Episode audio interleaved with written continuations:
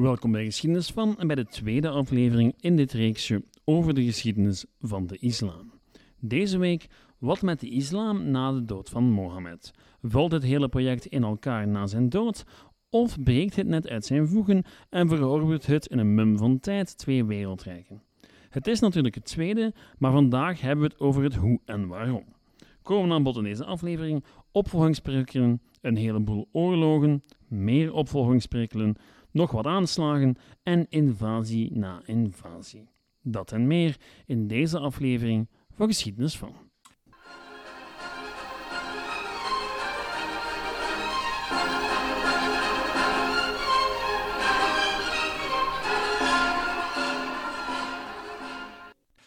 Beginnen doen we vandaag waar we vorige week geëindigd zijn, met de profeet Mohammed. De historische figuur wel te verstaan, niet de religieuze.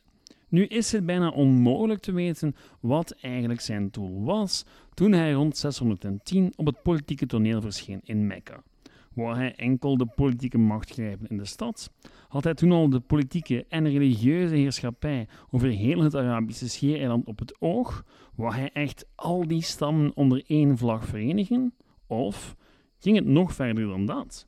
Had hij toen echt al een wereldreligie voor ogen die het christendom en het jodendom zou verdrijven als dominante monotheïstische religie in een groot deel van de wereld? Of is dat dan weer vooral interpretatie van latere schrijvers die weinig te maken hebben met de figuur zelf? Wel, um, eerlijk, we hebben geen idee. We weten eigenlijk bitter weinig. Wat hij zeker wel wou doen naar het einde van zijn leven toe, was alle Arabieren verenigen onder één religie. En daar was hij bij zijn dood in 632 ook effectief in geslaagd. De vraag in 632 was natuurlijk wie hem opvolgen zou. Belangrijk om daarbij op te merken is dat Mohammed natuurlijk niet enkel een religieuze leider was. Hij was de leider van een heuse staat. Nu, ja, ik weet het, in theorie is de paus niet alleen geestelijk leider van de katholieke kerk, maar ook staatshoofd van de Vaticaanstad. Wat een wijk is in Rome en niet eens een bijster grote wijk. Zelfs op het punt, hoogtepunt van hun macht hadden de pausen niet de wereldlijke macht over meer dan zowat het midden van Italië. Nu, bij Mohammeds overlijden heerste hij rechtstreeks of onrechtstreeks over zowat heel het Arabische schiereiland. En zijn opvolgers, wel, die zullen over een van de grootste rijken uit de wereldgeschiedenis heersen. Wat me brengt tot de kaliefen.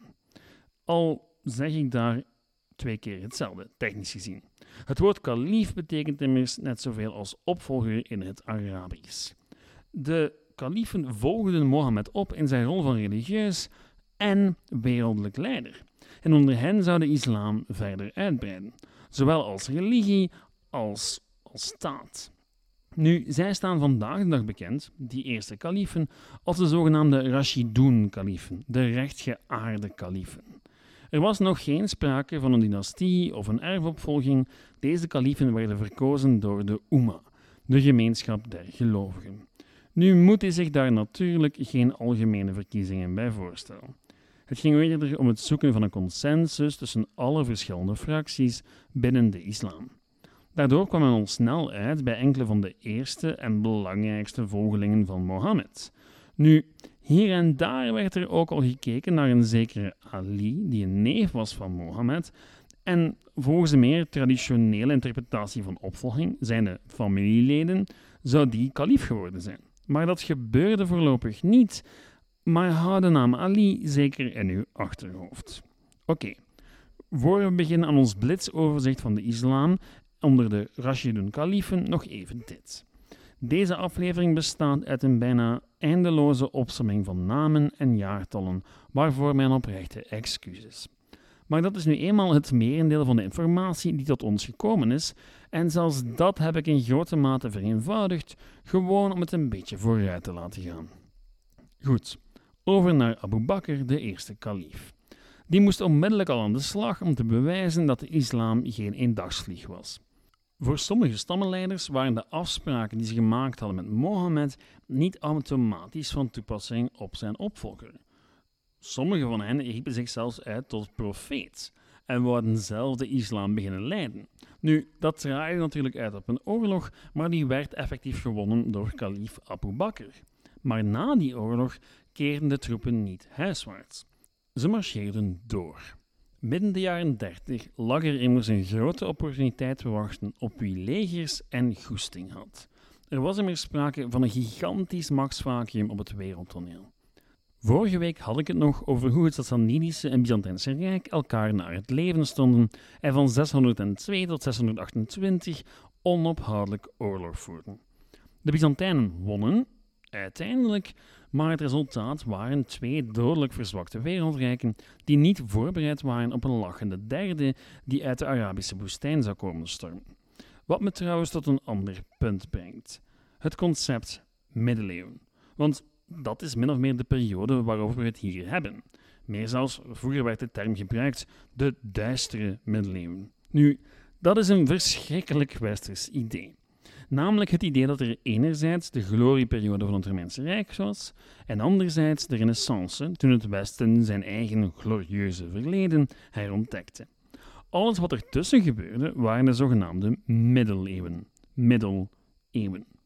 Toegegeven, West-Europa was vanaf de val van het West-Romeinse Rijk niet langer het centrum der beschaving. Maar uh, dat wil niet zeggen dat er een groot donker gat gaapt van dan tot aan de 15e eeuw. Het licht bleef wel degelijk branden, al was het dan vooral in het oosten van de Middellandse Zee en niet zozeer in het westen. Er bestaat tijdens wat men zo lang de Dark Ages genoemd heeft, wel degelijk nog een stralend machtig rijk.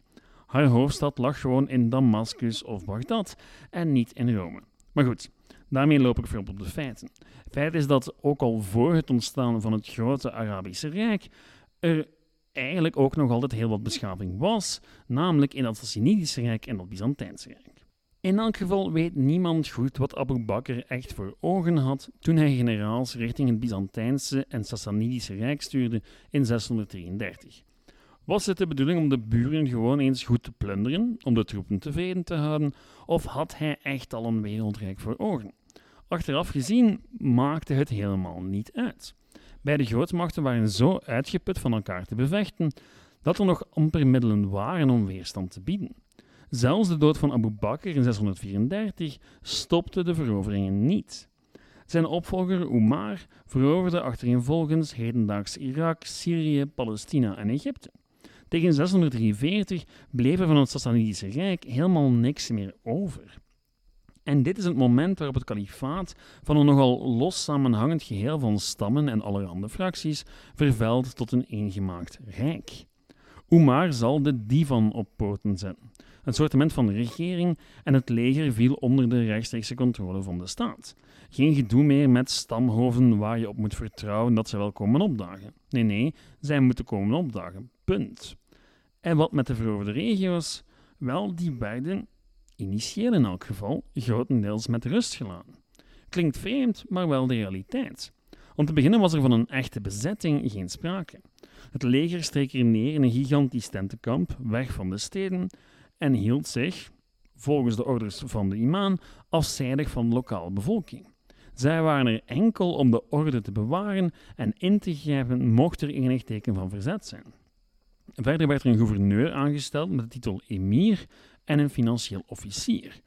En die twee samen moesten ervoor zorgen dat de belastingen die het Kersverse Rijk recht hielden, betaald werden en tot in Medina geraakten. En verder mocht de lokale bevolking eigenlijk gewoon haar ding doen. Er was geen sprake van een verplichte bekering of een volledige omwenteling wat betreft wetten, talen en gebruiken. De omwenteling was veel eer voor de moslims zelf. Het heeft er alles van weg dat Umar echt geloofde in veel van de principes die ooit gepreekt werden door Mohammed. Hij richtte de Bait al-Mal op, een soort van liefdadigheidsinstelling die zorg moest verstrekken aan de armen, ouderen, wezen en weduwen. En daarbovenop leek hij een heilige angst te hebben voor corrupte commandanten die van hun macht gebruik zouden maken om zichzelf te verrijken en eigen dynastieën te stichten. Wat helemaal niet onterecht was. Het boeiende aan de islam in deze periode is dat het een ontluikend wereldrijk was met een revolutionaire intentie. Men wou anders zijn dan de anderen. Geen legers die vreemde landen veroverden in dienst van de ene of de andere dynastie, maar in dienst van God en de Oema. Ja, er waren nog wel rijken geweest die God als legitimatie gebruikten, maar er gaat een vreemd soort oprechtheid uit van die eerste kaliefen, die je maar zelden terugvindt bij pakweg het Romeinse of het Chinese Rijk. Binnen de islam was de heerser ook helemaal niet goddelijk, zoals bij de Chinezen en later ook de Romeinen. Alleen balanceerden die kaliefen even goed als de gemiddelde Romeinse of Chinese keizer bovenop een vulkaan. Mohammed mocht wel verkondigd hebben dat alle persoonlijke ambities moesten wijken voor het algemeen belang. Dat wou natuurlijk niet zeggen dat men daar zomaar in meeging. Naarmate de tijd vorderde, na zijn dood, doken de vetes tussen verschillende fracties en stammen opnieuw op en mengden er zich nieuwe fracties. Want dat was een van de opmerkelijke aspecten van de vroege islam. Het was geen exclusief clubje. Wie wou, kon zich bekeren en moest vervolgens, volgens de Koran, als gelijke behandeld worden. Die bekeerlingen wouden al snel ook delen in de politieke macht. En dat zorgde dan wel weer voor de nodige problemen, want de theorie was natuurlijk makkelijker dan de praktijk. Uiteindelijk hielden twee zaken het hele boeltje eeuwenlang aan elkaar: de islam als religie en het Arabisch. Dat werd niet alleen de bestuurstaal en de religieuze taal, maar evengoed de cultuurtaal. Want ja, als het woord van God aan Mohammed werd doorgegeven in het Arabisch, dan moet dat wel de taal van God zijn. Niet. En als het goed genoeg is voor God, dan ook voor de rest van de wereld. Oké, terug naar het politieke verhaal, want dat wordt steeds gecompliceerder naarmate de consensus binnen de islam uitgehold begint te raken. Umar werd in 644 vermoord tijdens het gebed en zijn opvolger Uthman werd de derde kalif. Eventjes een, een korte ehm, uitleg hierbij. Tijdens het gebed, dat lijkt zeer uitzonderlijk, maar eigenlijk gebeurde dat binnen de islam zeer vaak. Omdat het gebed, en dan vooral het vrijdagsgebed, was het moment waarvan je wist waar een heerser of een bepaalde generaal zou zijn omdat het net zo belangrijk is binnen de islam om net dan te gaan bidden. Het moment dus voor een aanslag. Oké, nu, Uthman volgde Umar op en werd dus de derde kalif. Die zette de verovering van zijn voorgangers door, maar kreeg naar het einde van zijn regeerperiode steeds meer tegenstand te verduren van Ali. U weet wel, de neef van Mohammed omdat Oetsmans troon wankelde, begon hij vanaf 650 steeds meer te vertrouwen op de klan van de Umayyaden, familieleden eigenlijk. En het waren steeds vaker leden van die klan die zo op de mooiste postjes belanden en eenmaal daar hun persoonlijke macht begonnen uit te bouwen. Daarbovenop waren de veroveringen ook voor een groot deel gestopt naar het einde van zijn regeerperiode toe. En dus kwamen er niet langer evenveel inkomsten binnen als voorheen, die verdeeld konden worden onder de verschillende stammen, en beseften die stammen ook plots dat ze redelijk wat autoriteit hadden afgestaan aan de centrale regering. Dus ja, niet onlogisch dat de combinatie van dat alles leidde tot zoveel ontevredenheid dat er op een dag een heleboel mensen voor het huis van Oetman stonden. En ze eisten dat hij zijn beleid zou aanpassen. Hij weigerde en na heel wat verwarring werd hij door de woeste meute vermoord in 656. De opvolger werd uiteindelijk Ali, die mee aan de macht kwam door niet al te hard achter de moordenaars van zijn voorganger aan te gaan. Een politieke keuze, maar eentje die hem uiteindelijk slecht zou bevallen. Daarbovenop verplaatste hij de hoofdstad van het kalifaat van het Arabische Medina naar het Irakese Kufa en leek hij zo waar van plan te zijn om de centralisatie die begonnen was onder Umar niet terug te draaien, maar net verder te zetten. En met die drie maatregelen had hij zowat iedereen tegen zich in het harnas gehaald. Want ja, je had dan ten eerste al de familieleden van Oetsman, die woest waren, want ten eerste ging hij niet achter uh, de moordenaars van Oetman aan, en ten tweede ja, begon hij hun posities in twijfel te trekken en hun benoemingen terug te draaien. En dat alles brengt me tot de eerste fitna, oftewel de eerste burgeroorlog tussen moslims. En die oorlog die begon met de zogenaamde Slag van de Kameel. Nu, Die naam heeft de slag te danken aan de weduwe van Mohammed, Aisha, die gezeten op een kameel een deel van de rebellen leidde tegen Ali. Nu, die slag eindigde op een nederlaag voor de rebellen. De twee grootste leiders werden gedood en Aisha werd teruggeleid naar Medina, waar ze de rest van haar leven zou doorbrengen. Nu, eventjes leek het erop dat Ali zou kunnen regeren over het kalifaat, zoals zijn voorgangers. Eventjes maar, want toen hij opnieuw probeerde om corrupte gouverneurs af te zetten, niet toevallig familieleden van Oetman, brak er opnieuw oorlog uit. En helemaal voorop in de strijd stond de gouverneur van Syrië, genaamd Muawiyah. Onderhandelingspogingen draaiden op niks uit en het leek erop dat het wel eens een lange uitputtingsslag zou kunnen worden tussen beide kampen, tot Ali het slachtoffer werd van een aanslag. Jawel. Het was de derde kalief op rij die niet in zijn bed stierf, maar vermoord werd door een geloofsgenoot. Zijn besluit om te onderhandelen dreef een deel van zijn troepen ertoe hem te verlaten en zelfs actief andere moslims te gaan terroriseren. Dit waren de Karijieten, van het woord Karijit, wat eigenlijk het Arabische woord is voor vertrekken. Wel, niet zoals ik het nu heb uitgesproken, maar u volgt mij, hoop ik. Ali probeerde zich wel met hen te verzoenen, maar uiteindelijk werd hij vermoord in 661 tijdens, jawel, het gebed. Wat ons brengt tot de vijfde kalif en de laatste van de Rashidun kalifen, Ali's oudste zoon Hassan. Die bleek niet in staat om Muawiyah af te houden en kwam nog in 661 tot een verzoening. Hassan zou het kalifaat overdragen aan Muawiyah met als voorwaarde een algemene amnestie en het akkoord dat het kalifaat terug naar Hassan zou gaan eens Muawiyah overleden was. Puur toeval, natuurlijk dan dat Hassan al in 670 overlijdt na vergiftiging. Eens iets anders. Waarschijnlijk door Muawiyah, we zijn het niet zeker. Nu, sommigen beschouwen Hassan als de, als de vijfde kalief, anderen niet. Er is heel veel discussie over dit tijdperk en daar zijn ook een heleboel redenen voor. Want 661 was in elk geval een keerpunt voor de islam. Het was het einde van het tijdperk van de Rashidun kalifen en het begin van de regeerperiode van de Umayyaden. Nu, die Umayyaden die zijn voor volgende week. Want nu wil ik het nog even hebben over veel zaken waar we doorheen geraast zijn. Namelijk de transformatie van een nog redelijk idealistische staat na de dood van Mohammed, die haar staatshoofd nog verkiest bij consensus, naar een dynastieke staat. Onder Umar namen de inkomsten van de staat toe en probeerde men nog door allerlei regels om zich te houden aan de oorspronkelijke principes van de profeet. Er waren bijvoorbeeld regels voor legerofficieren. Zij mochten geen dure kleren dragen, geen duur Turks paard bereiden, gezeven bloem eten enzovoort.